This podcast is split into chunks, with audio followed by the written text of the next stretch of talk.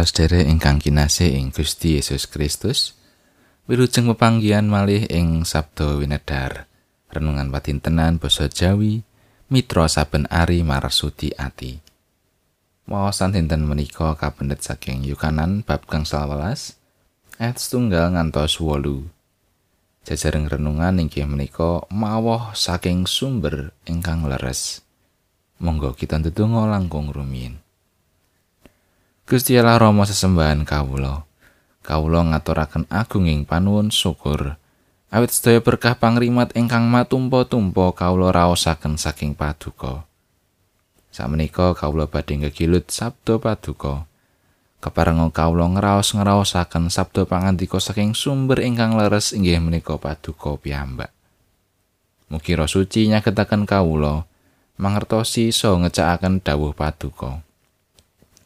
Duh Gusti kawula ngrumaosi tasih kathah dosa panrak kawula ing ngarsa paduka. Mugi Gusti kersa paring pangaksami.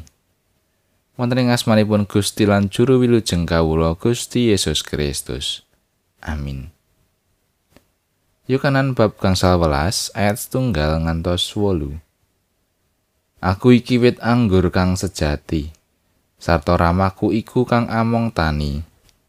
Saben pang kang ana ing aku kang ora metu wae dipagas lan kang metu wae diresiki supaya mundhak akeh wae.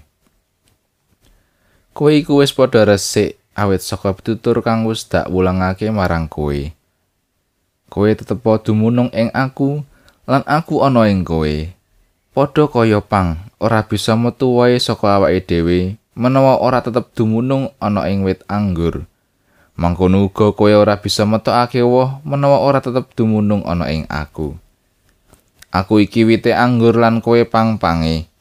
Sing sapa tetep dumunung ana ing aku lan aku ana ing dheweke, iku kang metu wae akeh. Awit menawa tanpa aku, kowe padha ora bisa tumindak apa-apa. Sing sapa ora tetep dumunung ana ing aku, iku dibuang metu kaya pang mau, temah dadi garing. Tumuli padha dikukupi lan banjur dicemplungake ing geni sarta diobong. Menawa kowe padha tetep dumunung ana ing aku lan pituturku tetep dumunung ana ing kowe, padha nyuwuna apa wae kang kok karepake mesti bakal katurutan. Kang dadi margane ramaku keluhurake yaiku menawa kowe padha metokake woh akeh sarta marga saka mangkono kowe padha tetelo yen dadi seswaku. Makaten pangandikanipun Gusti ayat nat saking ayat sekawan B. Kaya mengkono uga tumrap kowe. Kowe mung bisa metokake woh yen kowe nunggal karo aku. Dinten menika kita sami mangeti dinten pendidikan nasional. Pendidikan menika mboten namung bab sekolahan. Awit menika namung salah setunggaling perangan alit saking pendidikan. Ananging pendidikan menika rumesep minangka spiritualitas para tiyang ingkang gadhahi krentek ngancik ing gesang ingkang langkung berkualitas. Ing babagan menapa kemawon? Ukara gampilipun saben tiyang ingkang kepengin tansah berkembang mesti nggadahi spiritualitas pendidikan.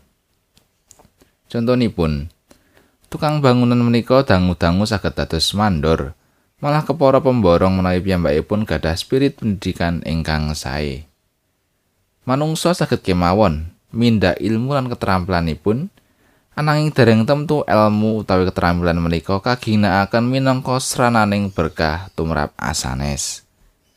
Kathah tiyang ingkang wasis pinter catas. Ananging kewasisan kapinteran menika namung kangge dirinipun piyambak.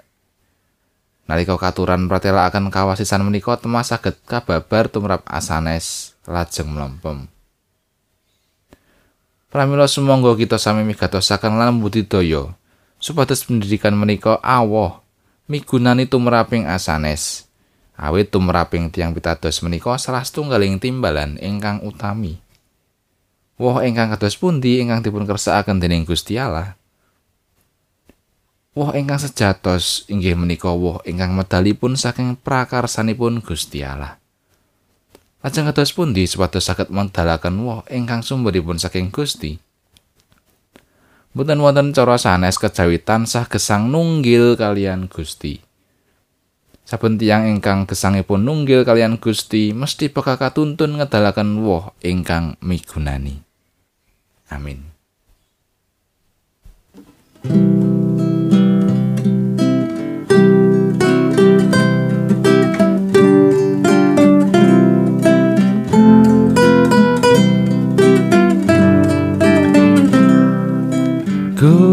Gunana wektumu paringi Gusti. Wit uripmu cekak pina kembang. Endi barang langgeng ing donya iki? Amung katresnan yo nganti ilang.